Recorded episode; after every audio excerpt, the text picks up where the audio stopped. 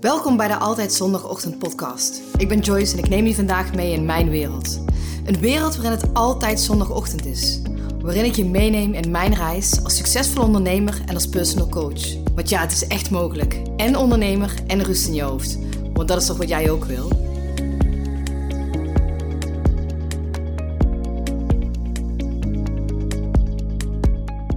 Goedemorgen.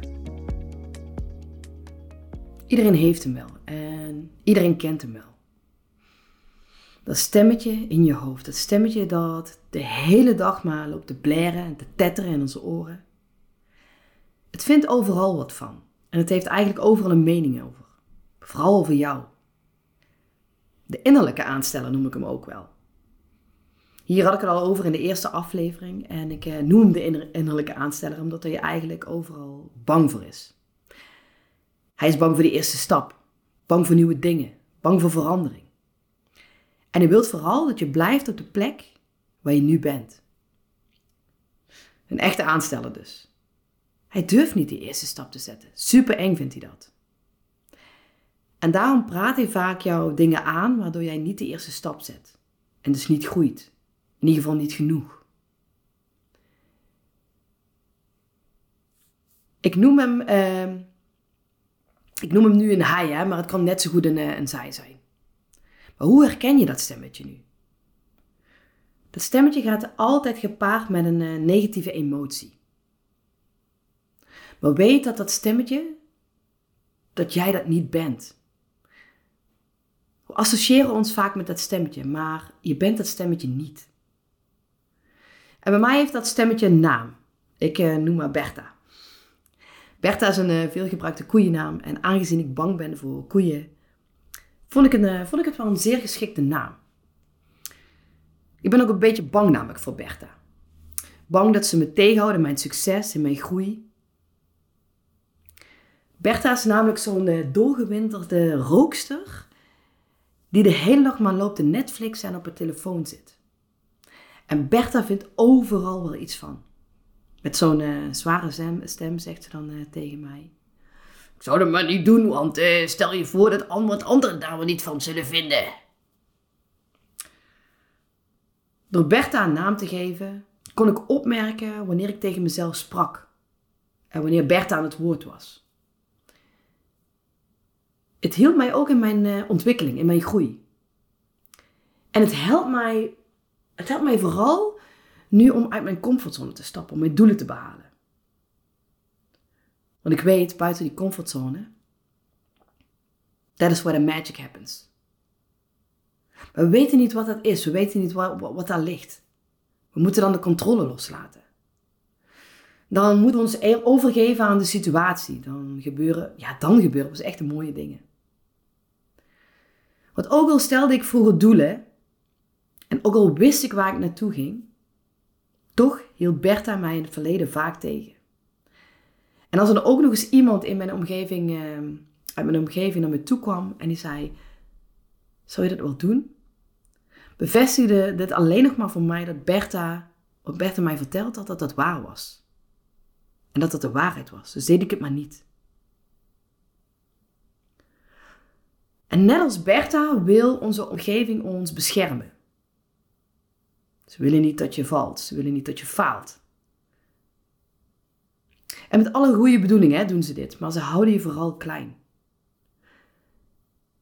Maar heel eerlijk, wil je dat mensen jou klein houden?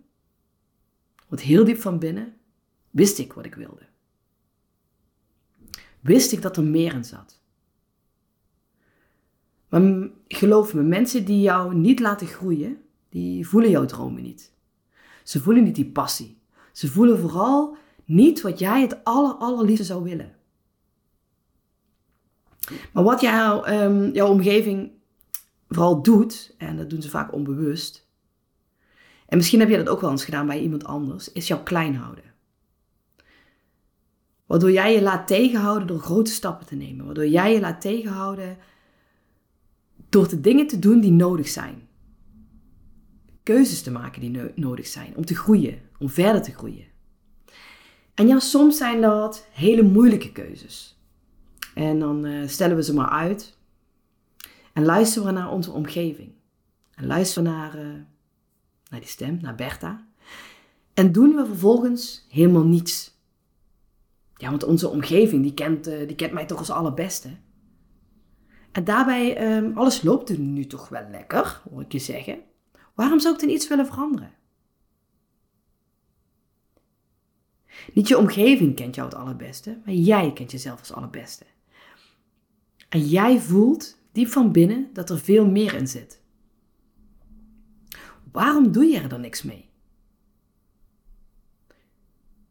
Anderen zien alleen maar hoe goed je het hebt. Ze zien succes. Waarom zou je het dan anders willen? En dan komt ook nog eens Bertha meteen om de hoek kijken. Zie je nou wel, ik zei het toch, niet doen. Je weet dat je goed bent in wat je doet. Dat er meer in zit. En wat ik dan doe is, ehm, ik neem Bertha even bij de hand. We lopen dan even een stukje of een rondje. Om maar even te kalmeren. Ik luister naar haar, geef haar de ruimte. En soms schrijf ik zelfs op wat ze allemaal tegen me zegt. En als ik dan heel realistisch ga kijken naar haar uitspraken, weet ik eigenlijk dat het merendeel sowieso niet waar is. En toch vertel ik mijzelf dit verhaal. Want vaak willen we dat stemmetje wegduwen, het niet zien en niet naar luisteren. Maar dat stemmetje vertelt je eigenlijk heel veel. Het vertelt je jouw angsten, je onzekerheden. Het vertelt je heel stiekem, tussen de zinnen door, wat jij nu echt wilt. Want achter die stem en achter die angst, achter die hele grote angst, daar ligt je groei. De groei die buiten jouw comfortzone ligt. De comfortzone waar je nu nog met Bertha knus op de bank zit, lekker samen onder dat dekentje, lekker warm en comfortabel. En juist daarom heb ik haar Bertha genoemd. Ik wil niet met die koe op de bank zitten, no way. Ik wil me niet verliezen door twee uur doelloos op mijn telefoon te scrollen en kattenfilmpjes te kijken. Ja, dat is leuk voor heel even. Maar ik wil weg hier. Het dekentje eraf. En ehm, ook al is het even koud en moet ik even kou leiden, maar ik weet, en ik weet één ding heel zeker. Ik wil niet blijven stilstaan. Bertha vertelt me ook vaak iets over, ehm, over andere mensen om mij heen. In mijn geval vaak over ondernemers. Ze vertelt me wat ze er allemaal van vindt en hoe hard zij allemaal groeien en hoe hard dat zij allemaal werken en ik niet.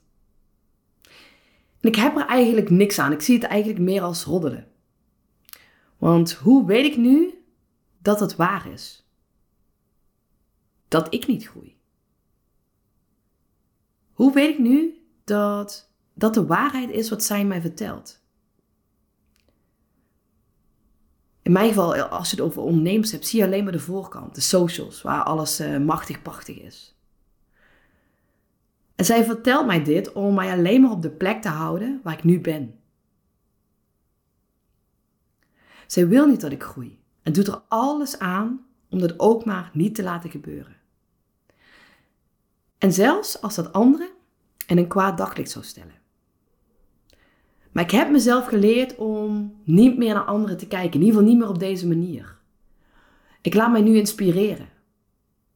En niet meer vanuit afgunst of vanuit jaloezie, maar meer van: hey, hoe tof zou het zijn als ik ook op die plek stond? Welke stappen moet ik allemaal nemen om ook daar te komen waar zij of hij staat? Het heeft mij geleerd om het te doen op mijn manier.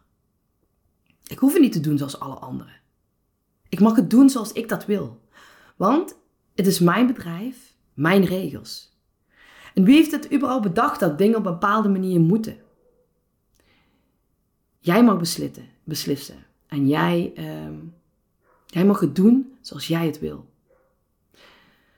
Want als dingen nog zo goed gaan en voor een, uh, voor een ander werken, wie zegt dan dat het voor jou werkt?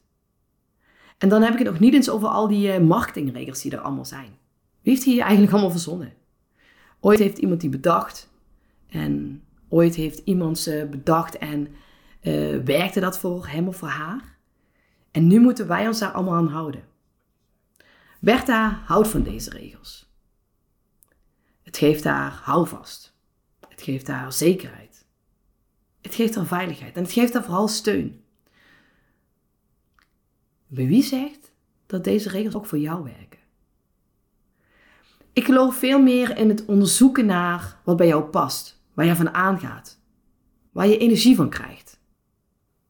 Kijk maar eens uh, naar jouw branche. Wat zijn daar de regels waar jij je aan houdt? Zou je het echt op deze manier willen doen?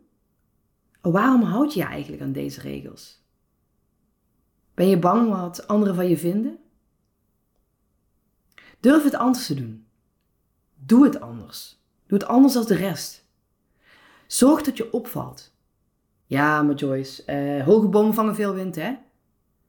Ik weet het. Maar dan kom ik om de hoek kijken. En neem ik jou, Bertha, bij het handje om even een blokje met haar te lopen. En geef hem of haar eens een naam. En hoe je haar of hem dan herkent? Door die negatieve emotie die je erbij ervaart. Maar ik hoor je nu denken, dus ik ben niet altijd negatief hoor. Nee, gelukkig niet.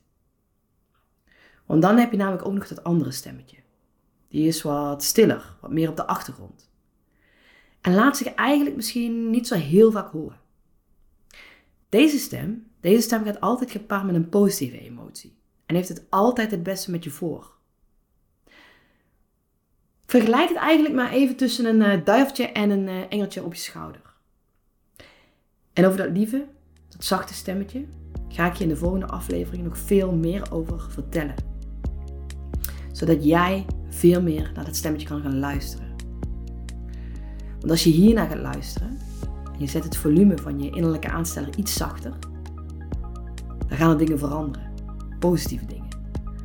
Dan ga jij je vooral gelukkiger voelen. En vooral meer bereiken dan dat je ooit had kunnen bedenken. Want je bent zoals je denkt. Dankjewel voor het luisteren. Ik spreek je volgende week zondag, want dan is het weer tijd voor een nieuwe podcast. Ik ben benieuwd wat jouw grootste inzicht was van vandaag. Deel het met me via Instagram, tag me of stuur me gewoon een DM. Ik vind het altijd leuk om te weten wie er luistert. En oh ja, vergeet je niet te abonneren, want dan krijg je vanzelf een melding wanneer er weer een nieuwe podcast verschijnt.